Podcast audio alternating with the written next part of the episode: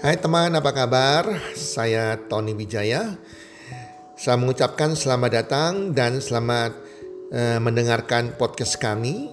Melalui podcast ini, kami memiliki misi bagi pendengarnya agar setiap pendengarnya bisa memiliki kehidupan yang sehat, sejahtera, dan berbahagia. Kami ingin menjadi sebuah cahaya lilin di tengah kegelapan yang bisa memberikan harapan, manfaat, dan solusi bagi setiap pendengarnya. Selamat mendengarkan podcast kami dan semoga Anda menjadi pendengar untuk podcast-podcast kami berikutnya. Salam 1 2 3 salam sehat, sejahtera dan bahagia.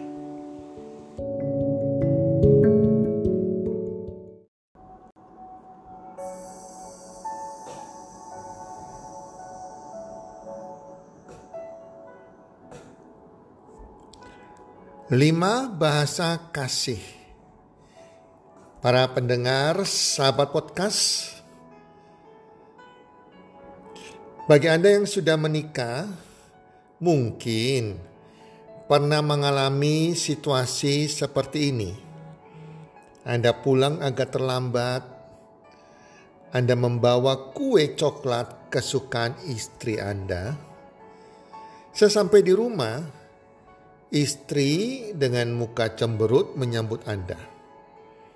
Kemudian terjadi pertengkaran membahas keterlambatan Anda pulang ke rumah. Mungkin ada juga yang baru pulang dari luar kota. Sesampai di rumah, istrinya bertanya, kok nggak bawa oleh-oleh? Anda menjawab, seharian meeting sibuk terus sehingga nggak sempat beli oleh-oleh. Anda mencoba merangkul istri, tetapi istri menghindar kemudian masuk ke dalam. Sepanjang hari suasana rumah menjadi tidak nyaman. Sahabat pendengar, apa yang salah dari kedua suami di atas? Yang satu mencoba pulang membawa oleh-oleh, tetapi diacuhkan oleh istrinya. Sedang satunya tidak membawa oleh-oleh, dan itu membuat sang istri marah. Itulah yang umum terjadi di masyarakat kita hal-hal kecil yang tidak diperhatikan oleh masing-masing pasangan. Komunikasi yang tidak nyambung antara suami dan istri.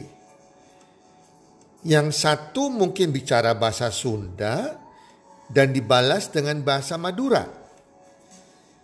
Akhirnya keduanya merasa tidak cocok satu sama lain dan inilah bibit-bibit sebuah perceraian. Kesalahpahaman itu terjadi karena masing-masing tidak mengerti dengan bahasa kasih pasangannya. Setiap orang dari kita memiliki bahasa kasih sendiri-sendiri. Jika mereka bicara dengan bahasa kasih yang kita mengerti, maka kita akan menganggapnya dia mencintai kita. Tangki cinta kita akan menjadi penuh Sebaliknya, jika pasangan berbicara dengan bahasa kasih yang tidak kita mengerti, maka kita jadi merasa tidak dicintai. Hal tersebut akan menguras tangki cinta kita.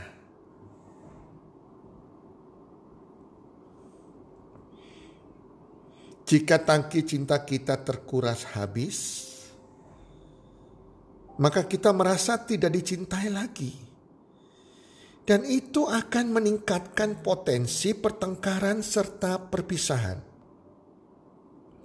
Hampir semua penyebab ketidakharmonisan rumah tangga disebabkan karena ketidakmengertian masing-masing pasangan dengan bahasa kasih pasangannya. Akibatnya, Mereka seperti berbicara dalam bahasa yang tidak saling dimengerti. Gary Chapman mengatakan bahwa ada lima bahasa kasih dan dia tulis di dalam bukunya lima bahasa kasih. Lima bahasa kasih tersebut yang pertama adalah pelayanan.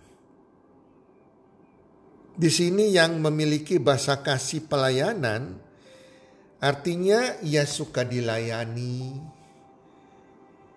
Contohnya ia suka dimasakan masakannya, kesukaannya dimasakan oleh pasangannya. Mungkin pada waktu ia makan, pasangannya melayani, memberikan air minum, mengambil makanannya, membuatkan dia kopi, membawakan minuman baginya sepulang kerja, memijit kalau pasangannya capek. Itu adalah bahasa kasih pelayanan. Melayani pasangan kita. Bahasa kasih kedua adalah hadiah. Orang yang memiliki bahasa kasihnya hadiah ia suka diberikan hadiah. Kalau pasangannya memberikan dia hadiah, apalagi hadiah yang dia suka, dia merasa pasangannya mencintainya. Tetapi kalau pasangannya tidak memberikan dia hadiah, dia mengartikan pasangannya sudah tidak cinta lagi kepada dia. Bahasa kasih ketiga adalah sentuhan fisik.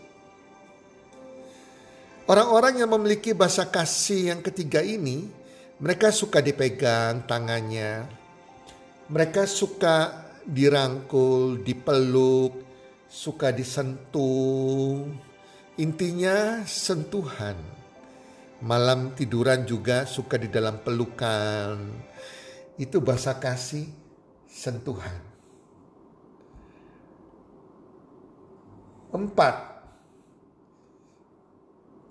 Bahasa kasih keempat adalah waktu yang berkualitas. Orang-orang memiliki bahasa kasih ini, ia suka memiliki kebersamaan selalu.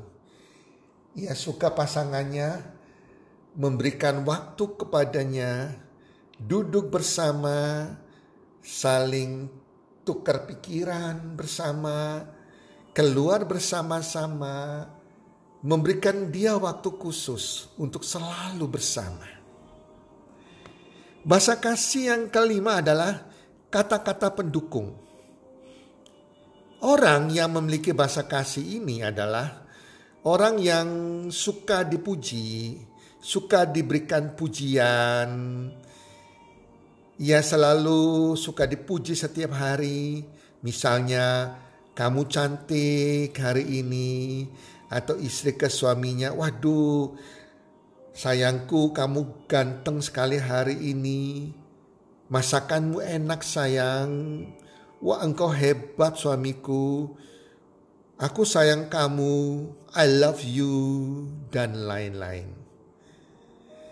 Sahabat pendengar podcast, pada kasus suami yang pertama, si suami mungkin memiliki bahasa kasih hadiah karena si suami bahasa kasihnya hadiah, sehingga dia merasa bahwa setiap orang akan senang jika mendapat hadiah oleh-oleh makanan yang disukai.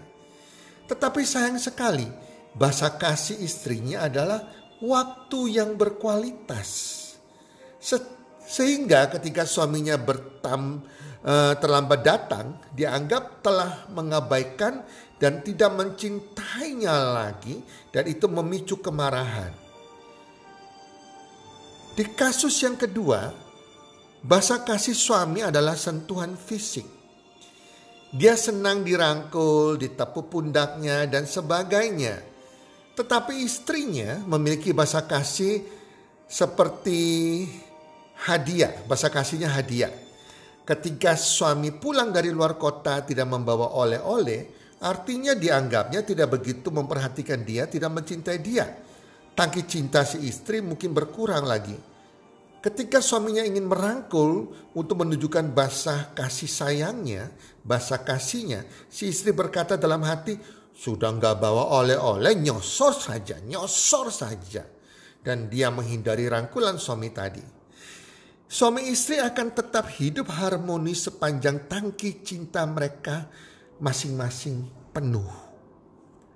Jika bahasa kasihnya tidak kesampaian, maka tangki cintanya akan makin hari makin berkurang dan berkurang sehingga tangki cintanya menjadi kosong. Ini sangat berbahaya. Usahakanlah terus-menerus mengisi tangki cinta pasangan kita. Bukan saja pasangan, tangki cinta anak-anak kita, tangki cinta orang tua kita, dan dunia kita akan terasa seperti surga. Keluarga kita seakan menjadi surga kita, bukan neraka. Lima bahasa kasih tersebut juga berlaku antara orang tua dan anak, anak dan orang tua, anak dan menantu, antara teman juga demikian. Setiap orang memiliki bahasa kasih yang berbeda. Ketahui bahasa kasih mereka dan penuhi tangki cinta dengan bahasa kasih tersebut. Demikian para pendengar podcast tentang lima bahasa kasih. Harapan saya Anda bukannya mendengarkan, tetapi Anda juga mempraktekkannya. Semoga bermanfaat dan salam sukses, sehat dan bahagia.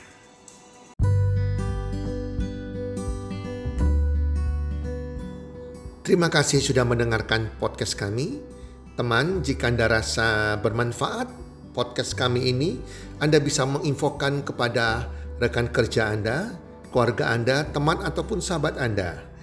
Dan jika ada hal-hal yang Anda ingin tanyakan kepada kami ataupun topik-topik apa yang Anda ingin kami bawakan, kami sampaikan, Anda bisa DM kami di Instagram kami healthcommunity.id. Salam one two three, salam sehat, sejahtera dan bahagia.